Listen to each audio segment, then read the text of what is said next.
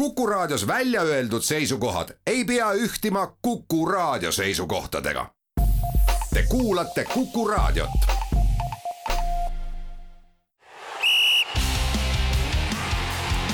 vutikohus. vutikohtul aitab pinget kruvida Pahv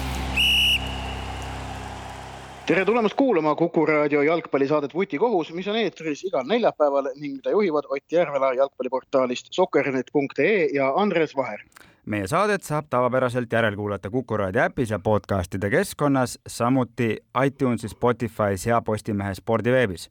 vutikohus võtab igal nädalal jutuks aktuaalsed jalgpalliteemad ning tähtsamad jalgpallikohtumised algab vutikohtu saja kuuekümne esimene istung ning äh, meil on kavas terve saade rääkida ainult jalgpalli MM-finaalturniirist, mis ma arvan, meie kuulajat eriti ei üllata. Meie püsikuulajad on ka kursis sellega, et kuna me salvestame oma saadet äh, neljapäeva päeva esimeses pooles, siis me täna õhtustest äh, kohtumistest, muuhulgas ka juba peetud mängudest Belgia, Horvaatia ning Kanada, Maroko ja meie saatega samal ajal algavatest kohtumistest alagrupis E, kus äh, Hispaania kohtub Jaapaniga ja Saksamaa Costa Ricaga täna juttu ei tee, vaid võtame saate esimeses osas kokku neli juba praeguseks lõpplahenduse saanud alagruppi ja nendes toimunud võtmesündmused sündmused. Äh, kokkuvõttes võib öelda, et nelja esimese alagrupi peale ainukene üllatus oli Austraalia edasipääsemine. On vist nii? ja, ja noh, see Austraalia edasipääsemine ka noh, eks, et äh, neid üllatuste hindamine on nii ja naa, noh kindlasti peamine teise koha nõudleja enne mängude algust selles alagrupis oli siiski Taani, aga Taanil hakkas juba tegelikult algusest peale juba esimeses voorus see kohtumine Tuneesiaga, kus nad null-null viigiga piirdusid, hakkas asi kiiva kiskuma ja tegelikult taanlaste mäng terve turniiri vältel oli ikka väga-väga mannetu. jah, seda küll ja Taani kahtlemata oli ka selle noh, ma usun, et selle alagrupi turniiri tegelikult üks suuremaid pettumusi. Ehm, ma käisin nende, nende turniiri eelsel pressikonverentsil ja seal ikkagi nii peatreener Kaspar Hjulman kui ka, kui ka Peeter Schmeichel ja, vabandust, mitte Peeter, Kaspar Schmeichel jah, Peeter Schmeichelit enam ei ole et on poeg Kasper ja ka kapten Simon Kjär, kõik ikkagi pakatasid enesekindlusest, olid väga sellises äh, noh, äh, mõnusas tujus, äh, noh, ei olnud mitte mingit ärevust näha, aga lõpuks väljakule seda kõike, seda olekut neil üle kanda ei õnnestunudki. esimene mäng Tuneesia vastu, mille nad null-null viiki mängisid, oli juba selline kerged ohumärgid üleval siis Prantsusmaa vastu, kui nad oleksid sealt selle üks-üks viigi kätte saanud, mis neil tegelikult veel kümme minutit enne lõppu ju tablool oli, siis võimalik, et oleks kogu see nende turniir ka teistsuguse ilme võtnud, oleks andnud meeskonnale veidikene enesekindlust. aga nüüd tuldi viimasele mängule Austraaliaga olukorras, kus nad teadsid, et neil on vaja võitu ja selle pingega nad ikkagi hakkama ei saanud. kusjuures kummaline oli ka see, et et mäng käis ju selle edasipääsu peale konkreetselt taanlaste jaoks ja nad ei suutnud selles mängus Austraaliaga julgen öelda, tegelikult mitte kordagi sellist ülimat pakilisust oma mängu sisse tuua. kogu aeg oli nagu selline suvise treeningmängu tunne tundus olevat. ja, ja, ja tähelepanuväärne oli ka see, et kui teises siis samal ajal käinud kohtumises Tuneesia Prantsusmaa teise koosseisu vastu võib julgelt öelda, Prantsusmaa oli juba alagrupi eh, esikoha noh, sisuliselt taganud juba enne viimase vooru algust, siis äh, siis niipea kui Tuneesia oli selle üks-null värava löönud, mis oleks viinud edasi Tuneesia Äh, kui Austraalia-Taani mäng oleks lõppenud viigiga, niipea Austraalia reageeris, lülitas hoopis ise sisse teise käigu. selles mängus Austraalia-Taani vajasid sel hetkel võitu mõlemad. Taani vajas küll võitu läbi selle kohtumise, aga Austraalial seni piisas viigist, nüüd oli vaja võitu, nad reageerisid kohe ja kulus mõni üksik minut ja Austraalia sai oma võiduvärava kätte ma ei ole kindel, kas see info niivõrd kohe mängijateni jõudis. vähemalt, vähemalt ta paistis väljakult, noh, inimesele, mina vaatasin mõlemat mängu telekast, eks eh,. tundus see väga niimoodi ja, ja Taani lõpuks ei suutnudki reageerida, isegi mitte olukorras, kus neil oli kahte väravat vaja, täiesti nagu letargiline oli see nende mäng. jah, Hjulman tegi vahetusi küll, kõik viis vahetust tegi ära lootuses meeskonda elavdada, ei toiminud üldse ei toiminud, ehk et seda Taanit, kes, keda nägime mullusel EM-il jõudmas poolfinaali,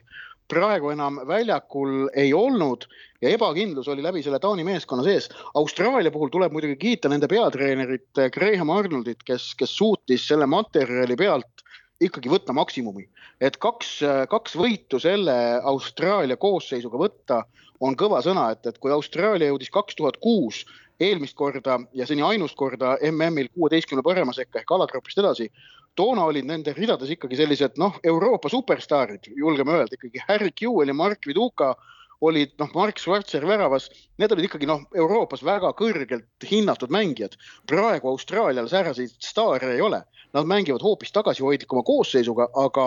suutsid sellest koosseisust võtta maksimumi taktikaliselt väga küps esitus minu meelest nii Tuneesia kui ka Taani vastu. See neli, neli, kaks, milles nad mängivad, on selline noh, heas mõttes jäik, mille murdmine vastase jaoks on olnud probleem ja distsiplineeritud, pühendunud võistkondlik esitus ma arvan, siit on paslik liikuda edasi äh, alagrupini C, kust siis tulevad äh, Prantsusmaa ja Austraalia vastased ja just nimelt äh, liikuda edasi selles võtmes, et Austraalia, kes siis alustas turniiri kaotusega ja seejärel sai kaks võitu, läheb nüüd kaheksandikfinaalis vastamisi Argentiinaga, kelle turniir on kulgenud täpselt samas võtmes. Avamängus kaotus, seejärel kaks võitu ja nüüd lähevad need kaks Äh, vahvat jalgpallikoondist omavahel kaheksandikfinaalis äh, vastamisi. kõik on kindlad, et Argentiina võidab. jah, kas sina ei arva nii? arvan küll, jah aga kas, no, aga aga kas me arvasime, et juhtub seda, mis esimeses voorus Argentiinaga juhtus, kuigi mööngem, nüüdne olukord on ikka hoopis teine, et noh, enam seda, et Argentiina tuleb, no küll on kummaline öelda, et üldse MM-mängus saab kuidagi nii-öelda poolkõvaga peale minna, aga Argentiina selles mängus teisel poolel Saudi Araabiaga läks poolkõvaga peale no kaheksandikfinaalidest võistlus tegelikult algab uuesti, et, et noh, need, kes pääsesid alagruppidest edasi, kõik see, mis alagruppides juhtus või saavutati, tegelikult ei maksa enam midagi. sest et nüüd sa ei vaata enam tabelit, vaid sa vaatad ainult konkreetset vastast, kellest sa pead selles mängus jagu saama, kas normaalajal, lisaajal või penaltitega äh,. ei ole mitte mingit võimalust turniiri tabelist abi otsida ja noh, tegelikult minu meelest Argentiina reageeris sellele kaotusele Saudi Araabiaga tšempionile kohaselt Mehhiko vastu, noh, Mehhiko ei ole lihtne vastane, eriti mitte Argentiina jaoks, äh, sest neil on omavahel sellist ikka päris palju ajalugu ja rivaliteeti. tuldi sellest keerulisest seisust välja ja, ja Lionel Messi nad teisel poolel seal oma väravaga juhtima viis ning ka nüüd äh, otsustavas mängus Poola vastu ja Messi eksis penaltiga aga, aga ikkagi leiti need võimalused ehk et sellist äh, lakkamatut järjekindlust Argentiina ju ikkagi nendes mängudes näitas ja, ja see on äh, relv, mis äh, ka sõelmängude eel on nende toetajatele turgutav teadmine. ja kindlasti, et et noh, kindlasti oli, võis olla isegi Argentiina turniiri pöördepunkt, noh, me ju ei tea, kaugele nad edenevad, aga on päevselge, et neil on ainest edeneda väga-väga kaugele pöördepunkt. lõpuni välja, lõpuni välja. ja no on ainest, on ainest, aga äh, aga on siin veel paar meeskonda, kellel on ainest, vähemalt. on, on jah. just, et, ähm, äh, et see Messi värav äh, Mehhiko vastu, maagiline värav ja ma ei ütle seda sellepärast maagiline, et, et selle lõi Messi, sellepärast et ükstapuha, kes teine oleks ka sellise värava sepistanud alates kõigest sellest kogu rünnaku konstrueerimisest, oleks see täpselt sama maagiline aga see oli suure tõenäosusega Argentiina turniiri pöördepunkt, sealt said nad oma kindluse kätte. Äh, eilses kohtumises Poolaga kindlasti neid veel ka aitas see, et noh, tegelikult oli kuklas teadmine, et ka viigist suure tõenäosusega piisab, et neil ei olnud vaja nagu rahmeldada, aga noh, hea küll, viik viigiks, et nad mängisid ikkagi Poola väga selgelt üle ja taaskord kannatlikkusega, täpselt samamoodi nagu Mehhiko vastu, nii et tegelikult on Argentiina kahes viimasest mängust näidanud klassi mille, mille alusel võib neist kui ikkagi tiitlinõudlejast rääkida küll. ja lisaks on nad näidanud kahte väga olulist asja, mida on tiitli püüdmiseks vaja. Nad ei ole ühe mehe meeskond, nad ei toetu Messile, kuigi Messi kahtlemata, no noh, kui sul on Messi võistkonnas, muidugi ta on, ta on sul suures fookuses, aga, aga väravaid on tekitanud ja löönud ka teised mehed. Alexis McAllisteri on väga kiidetud nende kahe viimase mängu põhjal ja, ja teiseks nende kaitse on pidanud nullimängud Mehhiko ja Poola vastu on kõva sõna ja teatavasti klišee, et äh, tiitleid võidetakse kaitsjatega ja mänge ründajatega, peab paika ka MM-finaalturniiril ja et, et tõesti on, on, on näha, kuigi mööngem, et Poola ja Mehhiko e, ei ole siiski need mõõdupuud, millest me räägime meistriks tuleku e, kontekstis, aga, aga see Argentiina kaitse, e, mis lihtsalt noh, mina arvan, et lihtsalt mäng Saudi Araabiaga teiseks poolajaks noh, nad, nad lasid ennast lihtsalt lõdvaks, et, et kui nad mängivad täiskontsentratsiooniga, siis see Argentiina meeskondlik kaitsemäng endiselt on, on no need kaks mängu, kaks viimast mängu küll näitasid, et nad on väga-väga tugevad aga taaskord, et äh, raskemad pähklid on ees, aga, aga võib-olla võtame siin paralleelselt ka, kui me nüüd sellest Argentiina ja noh, me Austraaliast küll selle, selle paari kontekstis ei rääkinud, aga aga jõudsime vist üksmeelele, et, et siin üllatust on keeruline näha, siis noh, tegelikult see teine paar Prantsusmaa-Poola, ma arvan, et seis on suhteliselt samasugune. üldiselt küll ja nõus ühe äh, klausliga, et Poolal on olemas superstaar ja, ja Robert Lewandowski kahtlemata on mängija. oota, Lewandowski on ka oma... MM-il või? aa, okei okay., ja, ja. ja, ja kes oma, kes oma heal päeval on suuteline mängu üksi ära otsustama. Austraalial sellist, sellise klassiga meest ei ole Poolal on, tõsi, äh, Levandovski esitus äh, või no Levandovskiga oli eile Poolal suur probleem. Ma ausalt, ma ise mängu ei vaadanud, ma lugesin selle kohta, aga ma sain aru, et nende pallide kvaliteet, mis Levandovskile ette toimetati, oli olnud katastroofiliselt halb ehk et Levandovskil ei olnud lihtsalt materjali, millest üldse midagi kokku panna. no Poola lihtsalt kas ise vajus või Argentiina surus, noh, teatavasti jalgpallis need asjad käivad alati käsikäes, lihtsalt niivõrd madalale eh, see, see, see kaitseplokk oli lihtsalt niivõrd madalal, et eh, seal isegi, seal isegi mõne natukene nõrgema meeskonna nagu Argentiina vastu lihtsalt ei ole võimalik sellest kaevikust eh, välja tulla ja Argentiina vastu seda enam, kes oskab selliseid olukordi palli kaotades lahendada, seda enam, et et sellepärast ma ütlengi, et kui Poola mängib Prantsusmaa vastu samamoodi, siis ja eriti veel lisades, et, et Prantsusmaal on tapvad ääred. Kylian Mbappe ja Ousmane Dembele ehk et noh näiteks siin võib oletada, et Poola näiteks äkki läheb üle viiemehelisele kaitseliinile, et üritada seda, neid ääri kõrgemalt kinni panna, aga see omakorda jätab keskväljale veel vähem ruumi, nii et, et noh, igatepidi on keeruline ja, ja ma arvan, et see, see Levandovski siis nii-öelda näljapajukil olemine saab, saab kordusetenduse. Aga Poola šansid Prantsusmaa vastu on suuremad kui Austraalia omad Argentiina vastu? eh noh, võib-olla protsendi osake jah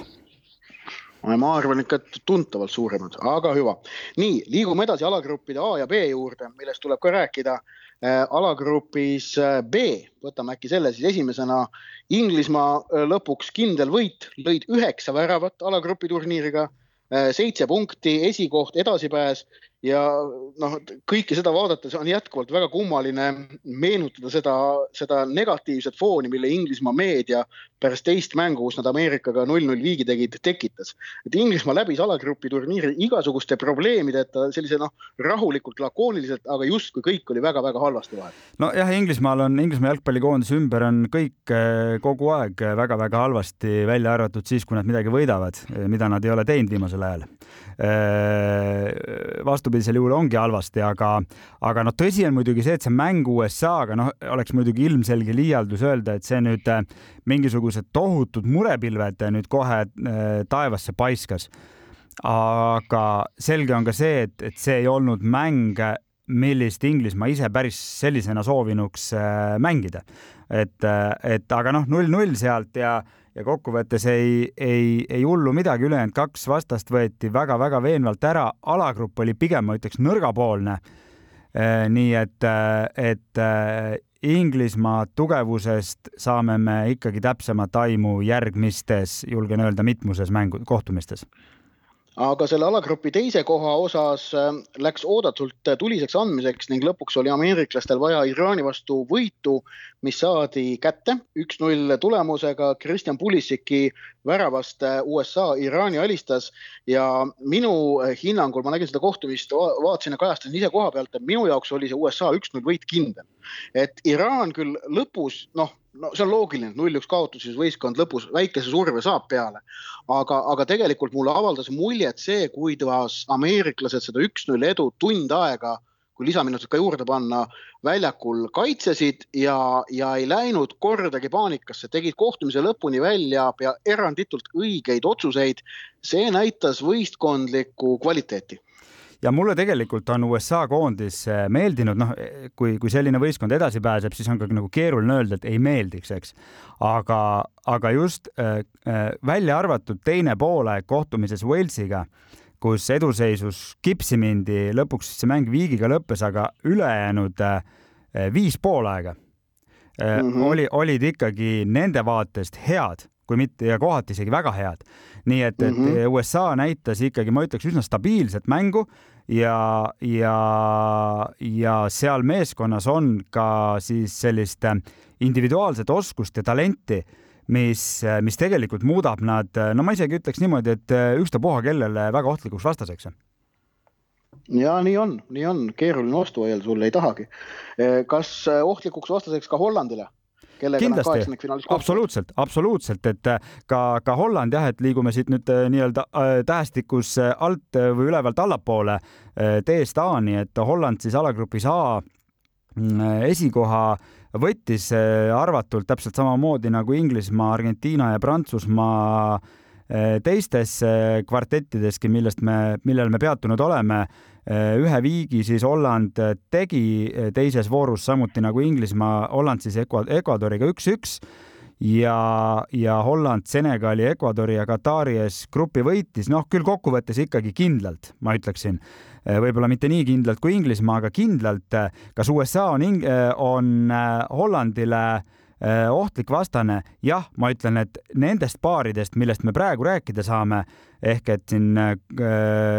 ülejäänud alagruppidest me juba rääkisime, Inglismaa läheb vastamisi Senegaliga ja Holland USA-ga, ma ütleks, et selles paaris üllatuse võimalus on kindlalt kõige suurem. ma olen sinuga nõus, Senegali šansse Inglismaa vastu ma liiga suureks ei pea.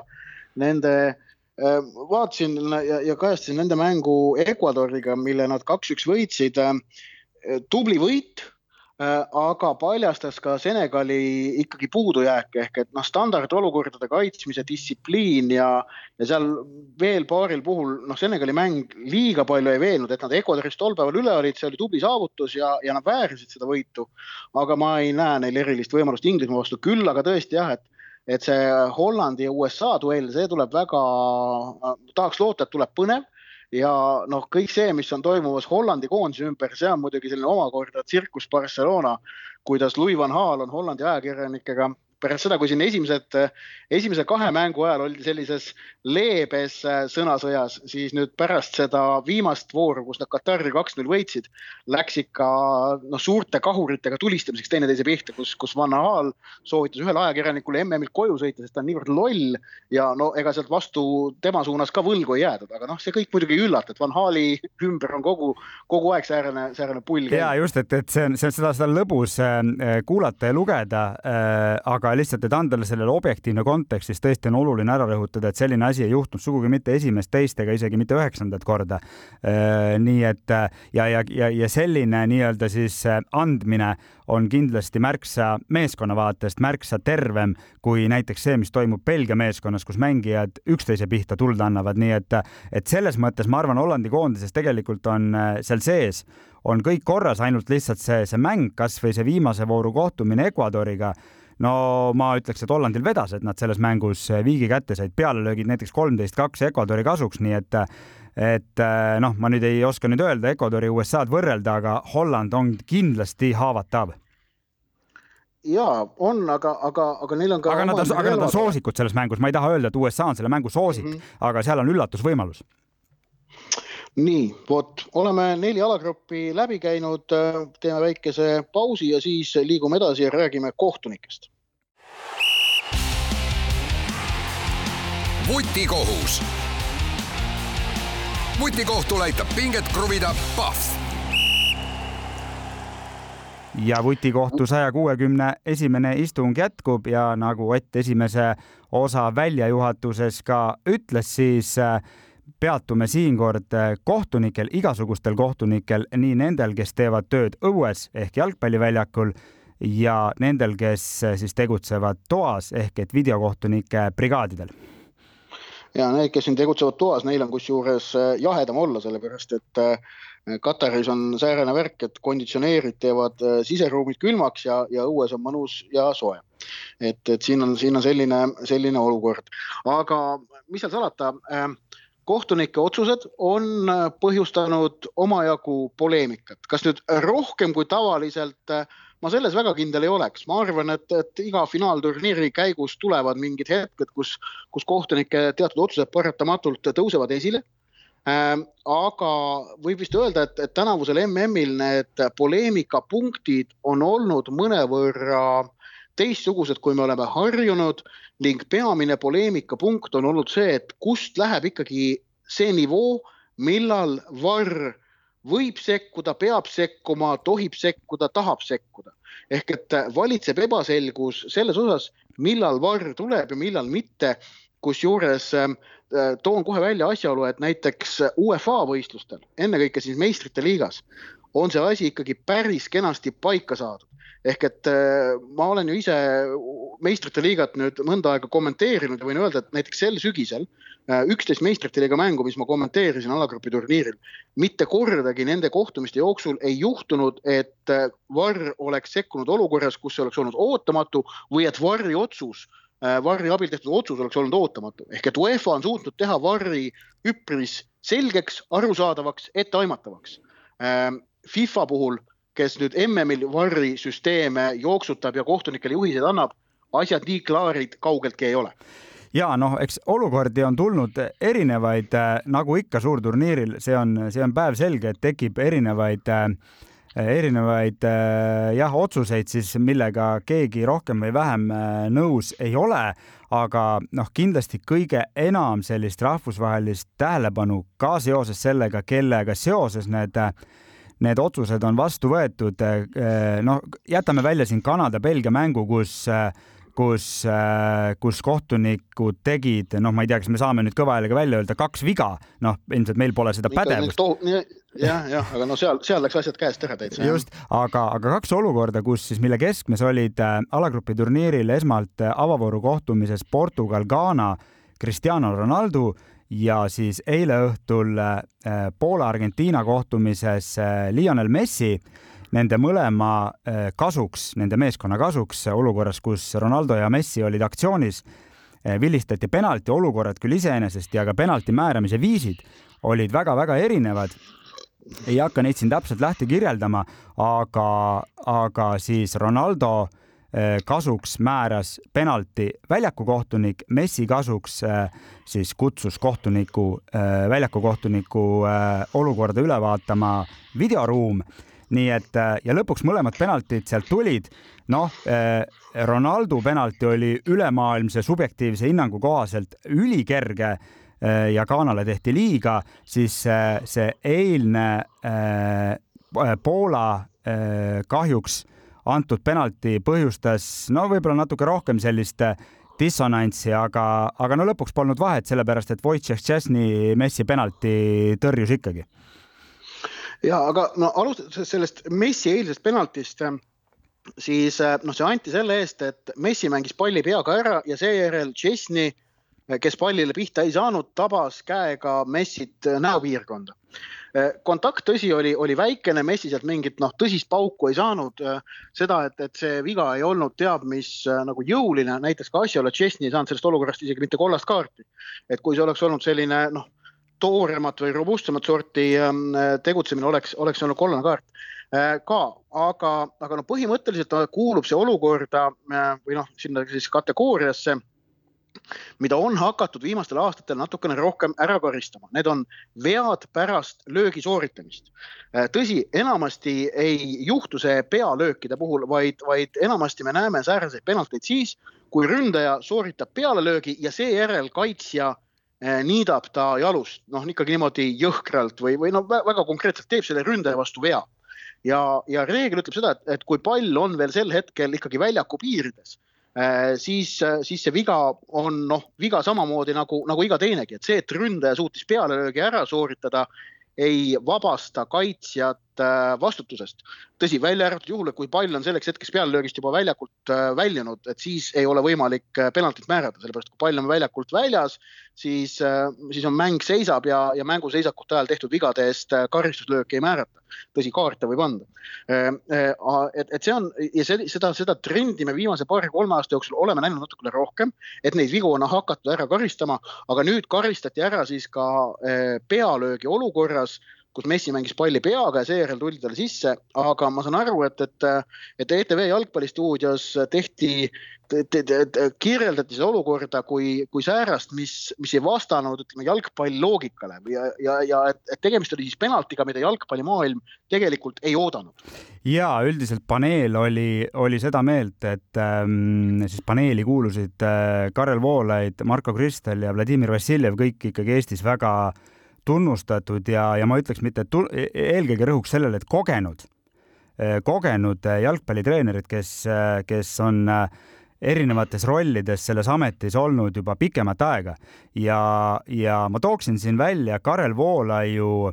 vaate, mis, mis, mis isiklikult mulle jällegi subjektiivselt loomulikult Äh, väga meeldis ja mitte üldse selles kontekstis, et kas otsus oli reeglitepärane või mitte, vaid et kuidas siis need meeskonnad, mängijad ja treenerid võivad sellest aru saada, kes on ju tegelikult jalgpallimängu kese, mitte kohtunikud. ma nüüd ei tsiteeri Karelit, sellepärast et ma ei pannud seda tsitaati täpselt kirja, aga ma, ma vahendan ta mõtte ehk et Karel Voolaid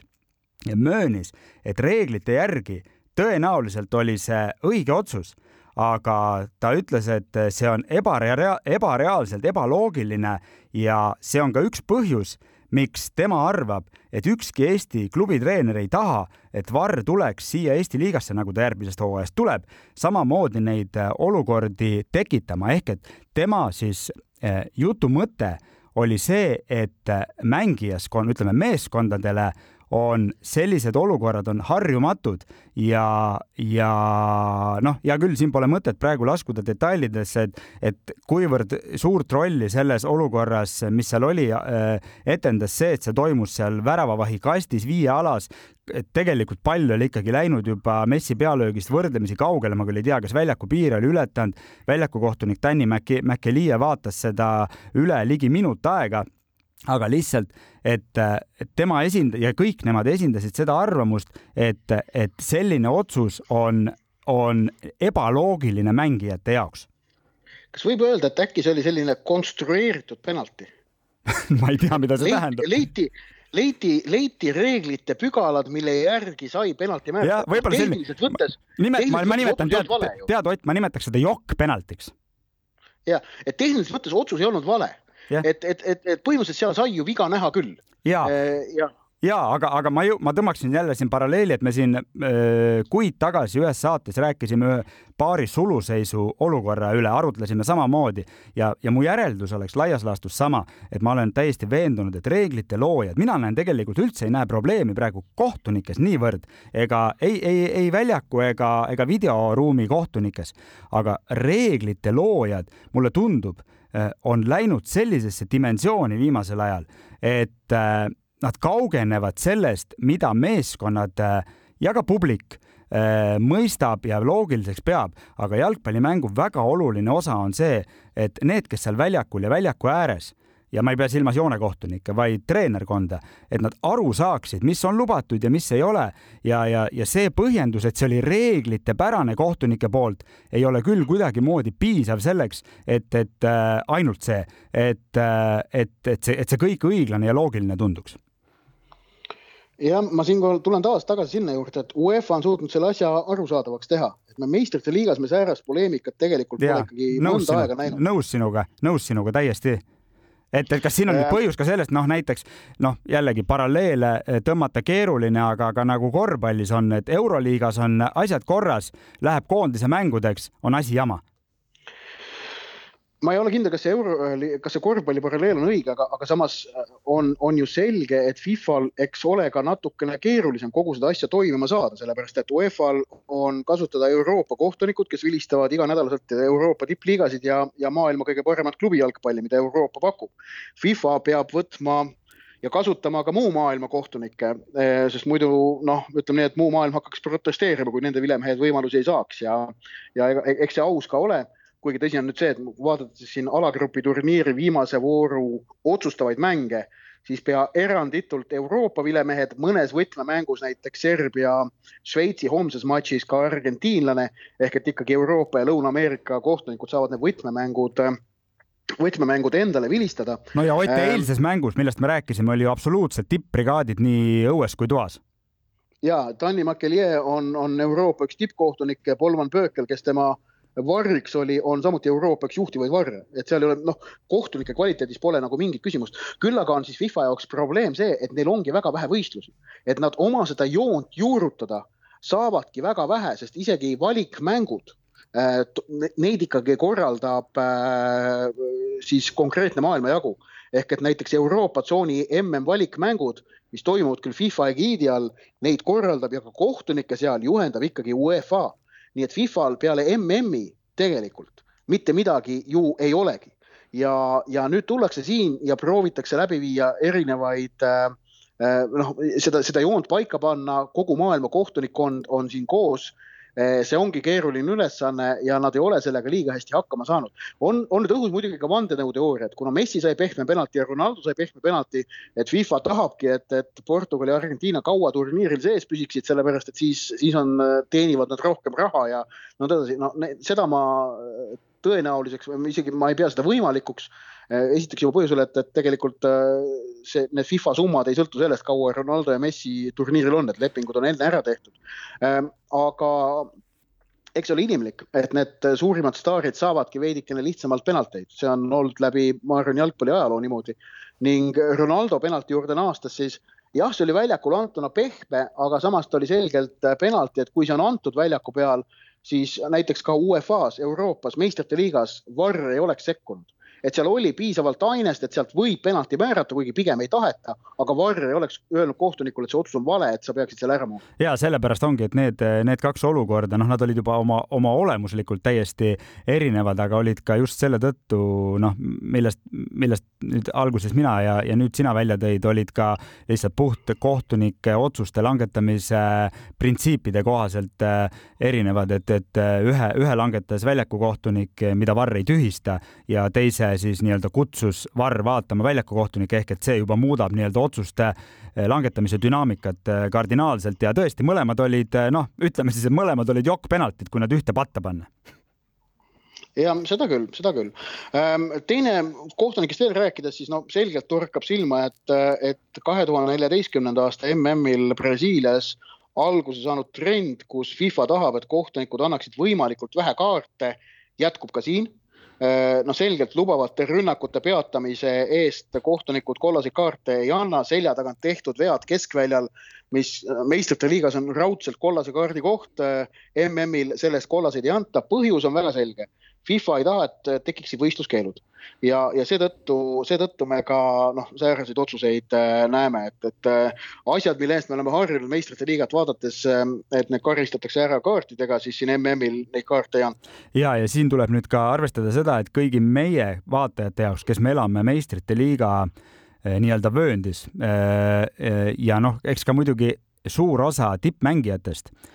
mängib meistrite liigat, aga siin tuleb ka nüüd arvestada siiski seda, et äh, noh, kõik MM-il osalejad ei mängi meistrite liigat. ehk et, et äh, ma, ma kujutan ette, et meile kui vaatajatele ja nendele mängijatele, kes mängivad meistrite liigal, on ka selle trendiga harjuda, noh, kas nüüd just keeruline, aga, aga vajab selle peale äh, Äh,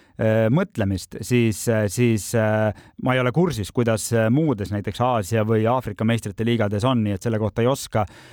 sõna võtta, aga, aga siin tuleb tõesti nüüd arvestada sellega, et, et kõike ei saa vaadata alati oma mätta otsast, aga ma tooksin siia veel selle eelmise teema lõpetuseks, kuna need, need nii-öelda statistika on lihtsalt niivõrd noh, minu arvates hea on see, et, et, et see Messi penalti, mille ta sai Äh, ja eksis sellel penaltil, et äh, nii-öelda huvitava kokkusattumusega on Lionel Messil äh, seitsekümmend kaheksa protsenti penalti tabavuse protsent nii, nii koondise eest, kus ta on siis kahekümne kolmest penaltist kaheksateist sisse löönud, kui ka klubide eest, erinevate eest saja kahekümne ühest üheksakümmend viis, nii et sihuke huvitav kokkusattumus ja Wojciech Szczesnist sai siis, sai siis neljas väravavaht, kes on äh, MM-finaalturniiril tõrjunud kaks penaltit ka avavooru eh, kohtumises. Ott Aita nüüd Iraani vastu oli see jah? või mitte, ei vabandust, Tuneesia vastu. Tuneesia vastu mm -hmm. tõrjus ta, tõrjus ta ja need mõlemad penaltitõrjed, kusjuures olid hiilgavad, eriti muidugi Messi vastu, hiilgavad tõrjed. vot, nii et eh, Messit ei tasu penaltit lööma panna. paneme panuseid vutikohtu saja kuuekümne esimene istung jätkub ja tavapäraselt kolmandaks veerandajaks meil pahv.ee pakutavad jalgpallikoefitsiendid valikus on ja hakkame aga sõitma, Ott, anna minna ja noh, vaatan oma koefitsiendid välja MM-finaalturniirilt, et mul, ma ei tea, jäid nagu ette, jäid nagu ette sellised okay. mängud. mul on ka, mul on ka, ole rahulik. on jah, jah, jah ja. vaatan esmalt homse päeva minu jaoks kõige, kõige tähtsam kohtumine ja, ja kõige tähtsam on see Ghana Uruguay kohtumine minu pärast põhjusel, et, et see on tähtis kohtumine, kuna nendel meeskondadel on seoses kahe tuhande kümnenda aasta MM-i veerandfinaaliga ühine väga värvikas ja oluline ajalugu, siis sellel mängul on eriline aura. Uruguay võidu koefitsient üks koma seitsekümmend seitse tundub minu jaoks päris äh, soodne. ma nägin Ghanat Lõuna-Korea vastu ja, ja ka Portugali vastu ja nende kaitsemäng ei veennud mind absoluutselt. Neile on ikkagi, neile on ikkagi löödud äh, liiga palju väravaid praeguseks äh, väga tore kokkusattumus, me, me ei kooskõlasta Otiga mitte kunagi oma panuseid, seekord juhtus ka äh, juhtus siis niimoodi, et minul on ka sellest mängust pakkumine ja minu äh, loogika on risti vastupidine. kõigepealt siis minu pakkumisvariant, et Ghana seda mängu ei kaota, koefitsient kaks koma viis, äh, arulagedalt kõrge äh,. argumendid väga lihtsad, kumbki meeskond ei ole mänginud veenvalt, aga Uruguay peab selle mängu võitma. Uruguay ei ole sellel turniiril näidanud mitte mingisugust ründeoskust, seni vähemalt mitte. ja, ja kui nad nüüd peavad hakkama ründama siis äh, ma tahan lihtsalt näha, kuidas, ma ei, ma ei taha öelda, et Uruguay ei või seda mängu võita, aga et nad on nii ilmselged soosikud sellises olukorras, sellest, seda ma ei mõista. Luis Suarez tuleb ja teeb no?. Luis Suarez tuleb ja teeb. võib-olla tõesti, vaatame. nii, Portugali võidu koefitsient Lõuna-Korea vastu ka üks koma seitsekümmend kaheksa, ka väga kõrge ja noh, kuigi piisab ka muidugi viigist, sellistes olukordades on alati need, need ohud ja isegi äkki vist Portugalile, Portugal on Prantsusmaa olukorras vist põhimõtteliselt või? ei, ja, ja nojah, aga ma, ma ei usu, ma ei usu, et nad väga puhkama hakkavad ja, ja noh, Portugalil ma väidan, et vahetuspink on, on näljane ja kvaliteetsem äkki isegi kui Prantsusmaal. No lihtsalt see see, see moment, et Portugalil ei ole siin väga palju või noh, liiga palju mängus, aga selge, et nad on soosikud. Ja kolmandaks äh, Holland-USA kaheksandikfinaali normaalaeg lõpeb viigiga kolm koma kolmkümmend viis. ja no sellel mängul me siin eelm-, esimeses saate osas äh, peatusime, Holland on soosik, aga see koefitsient kindlasti on, on äh, kaalumist väärt mina panen, mina panen siis lisaks eh, reede õhtused kaks kohtumist. Serbia-Šveits mäng, väga oluline kohtumine eh, ja pakkumine minu poolt on, et mõlemad meeskonnad löövad selles mängus värava kaks koma null. lõhnab tegelikult ema-kumma üks-null võidu järele see mäng minu okay. jaoks okay., aga okei okay ja, ja viimane pakkumine on mul siis selline vähe noh, lihtsalt lõbusam, ütleme siis otse niimoodi välja. Eh, Brasiilia ja Cameron selles mängus eh, tuleb eh, penalti, kolm koma null.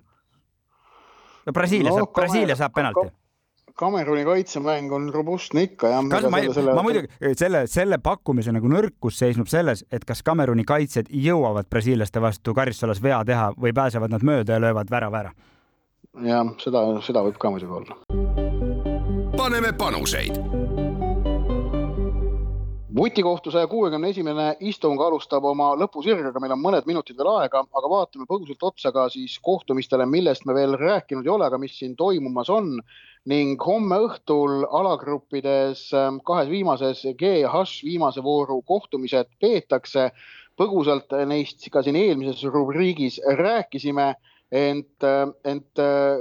noh, vast on põhjust rääkida natukene rohkem Brasiiliast, kellel on kirjas kaks-null, kaks võitu, kaks-null Serbia üle, üks-null Šveitsi üle. kas äh, Brasiilia on sinu meelest ka praegu selle MM-i soosik number üks, nagu kihlveokontorid seda, neid päris selgelt peavad? ja ma möönan, et äh, noh, nagu meie püsikuulajad teavad, siis äh,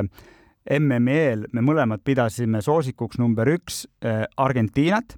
aga, ja siis seal järel, vähemalt minu jaoks oli Brasiilia, ma ei mäleta, kuidas oli Oti jaoks, siis, siis nüüd äh, ma tunnistan, et Brasiilia kaks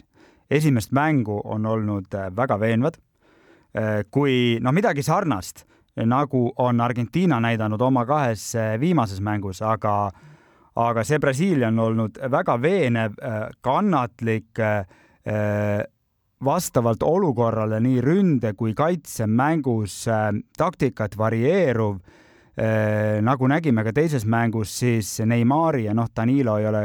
ei ole nii oluline mängija, aga, aga mängijate vahetamine ei, ei valmistanud neile mitte mingisugust probleemi. Ja ehkki mõlemas mängus vaheajale mindi null-null seisuga, siis no see ei loksutanud seda meeskonda, jäädi rahulikuks, oma asjale kindlaks ja võeti ikkagi võit ära, et Brasiilia on olnud kindlasti MM-i kõige veenvam meeskond siiamaani. Ning ähm, selle ja Brasiilial on edasipääs ka kindel G-alagrupist ja noh, tundub, kui nad suudavad Kameruni vastu vähemalt viigi kätte saada, siis ei võta neilt keegi mitte mingil valemiga ka esikohta ära. Äh, aga teise edasipääseja ilmselt otsustab ikkagi Serbia-Šveitsi mäng ehk et Kamerun vajaks võitu Brasiilia üle, et, et sealt edasipääsu püüda, see tundub väga ebatõenäoline. äh, ma ei usu, et Kamerunil on võimekus teha seda, mida Tuneesia tegi Prantsusmaa vastu. aga Serbia-Šveits mäng, mida võis juba siin eeldatult pidada alagrupi turniiri kolmanda vooru üheks ähm, kõvemaks vastasseisuks äh, nüüd selleks ka kujuneb, aga kuna Serbia mängis Kameruni vastu kolm-üks edu maha ja tegi kolm-kolm viigi, siis on seis nüüd säärane, et Šveitsile piisab viigist ja Serbia vajab võitu ning äh, Šveitsi kõva kaitset arvestades ähm, ma arvan, see, et neile viigist piisab, äh, annab neile väga selge eelise, et, et Šveits küll äh, Äh, lubas, äh, lubas Brasiilial ühe värava endale lüüa, aga tegelikult nende kaitsemäng on olnud äh, päris, päris kindel. ja no Serb- või vabandust, Šveits on tuntud sellise meeskonnana, kes, kes, kellel on muidugi osavust igas väljaku otsas, aga kes eelkõige siis mängib, noh, mitte nüüd kaitsest lähtuvalt, aga, aga nende meeskondlik kaitsemäng, sellele on kõik rajatud ja, ja, ja see, kui ma siin eelnevas lõigus ütlesin, et Brasiilia sai veenva võidu, see ei tähenda seda, et Šveits oleks selles mängus halvasti mänginud. Nad tegelikult mängisid enda kohta täiesti korralikult, lihtsalt Brasiilia on praegu nii hea äh,. aga äh, äh, Serbia on minu jaoks selline müsteerium hetkel. ma, tegelikult nad mängisid Kameruni vastu väga hästi, ühe hetkeni ühe hetkeni, kas siis tuli see võiduuim kolm-üks seisus äh, peale, aga see, see loovus ja loomingulisus ja osavus äh, ja neil on ründavad mängijad ju väga-väga võimekad. Ehm, ehk et see, et mis, milline see Serbia ründepotentsiaal täpselt on, mida nad siis nüüd peavad selles mängus Šveitsiga paljastama, nad peavad selle mängu võitma, on, on selline suur-suur küsimärk ehk et, et sellest sõltub, kas, kas läheb tige, noh, tigedaks andmiseks läheb niikuinii, aga kas Serbial on nagu reaalne potentsiaal Šveitsi võita? vot ja siis Hash alagrupp, mida juba enne alagrupi turniiri algust sai pidada üheks tasavägisemaks, kuna Ghana sai ikkagi Lõuna-Korea vastu kolm-kaks võidu kätte, kuigi minu meelest nad seda ei väärinud või noh, noh, ütleme Koreal ikka väga ei vedanud, et nad sellest mängust null punkti said siis Korea šansid ongi muutunud väga kasinateks, nad peavad Portugali alistama ja lootma, et et äh, Ghana-Uruguay mäng lõpeb neile sobiva tulemusega, nii et Ghana-Uruguay omavahel ilmselt teise edasipääseja paika panevad. no sellest me siin eelmises rubriigis ka põgusalt rääkisime. Äh, jah, Uruguay on praeguse seisuga ainukene meeskond MM-il, kes pole veel sel MM-il väravat löönud. aga ma millegipärast ikkagi arvan, minu tunne ütleb, et nad, et nad jõuavad sihile nojah, et selle, selle, selle me arutasime kindlasti, aga lihtsalt nende mängus on olnud äh, noh, ka avamäng äh, Koreaga oli ikkagi üllatavalt mannetu, ma ütleks, et Korea oli seal pigem parem meeskond äh, väljakul. Äh, ja sellest noh, mängust Portugaliga jah, et, et Uruguay lihtsalt on olnud, ta pole praegu enda oma välja mänginud, aga, aga mis seal täpselt sees peidus on, Ghanal noh, kasvõi nagu näitas see, näitas see kohtumine Lõuna-Koreaga oligi selline noh, nii-öelda äh, aastakümnete tagune tüüpiline Aafrika meeskond tuli silme ette, kus kus palliga osavust on palju ja kaitsemäng on täiesti ligadi-logadi, lõpuks nad sealt küll võidu kätte said, nii et, et noh, niisugune täiesti, ma ütleks, ma ütleks, et täiesti äraarvamatu äh, paar, aga mida ma nende kahe alagrupi kohta veel lisaksin, on see, et et äh, Brasiilia-Portugali kaheksandikfinaali noh, ülisuure tõenäosusega ei tule ja see on, see on ainult hea vot, aga selliste mõtetega täname kuulamast vutikohtu saja kuuekümne esimest istungit. meie järgmise istungi ajaks on MM-il selgunud veerandfinalistid, nii et siis saame kokku võtta kaheksandikfinaalid ja vaadata otsa eh, veerandfinaalidele. saatejuhid olid Ott Järvela jalgpalliportaalist sokkernet.ee ja Andres Vaher. Oleme uuesti eetris järgmisel neljapäeval tavapäraselt kell kakskümmend üks ja meie saadet saab järelkuulata endiselt Kuku raadio äpis ja podcastide keskkonnas ning samamoodi iTunesis, Spotify's ja Postimehe spordiveebis. Kuulmiseni. vutikohus. vutikohtul aitab pinget kruvida Pahv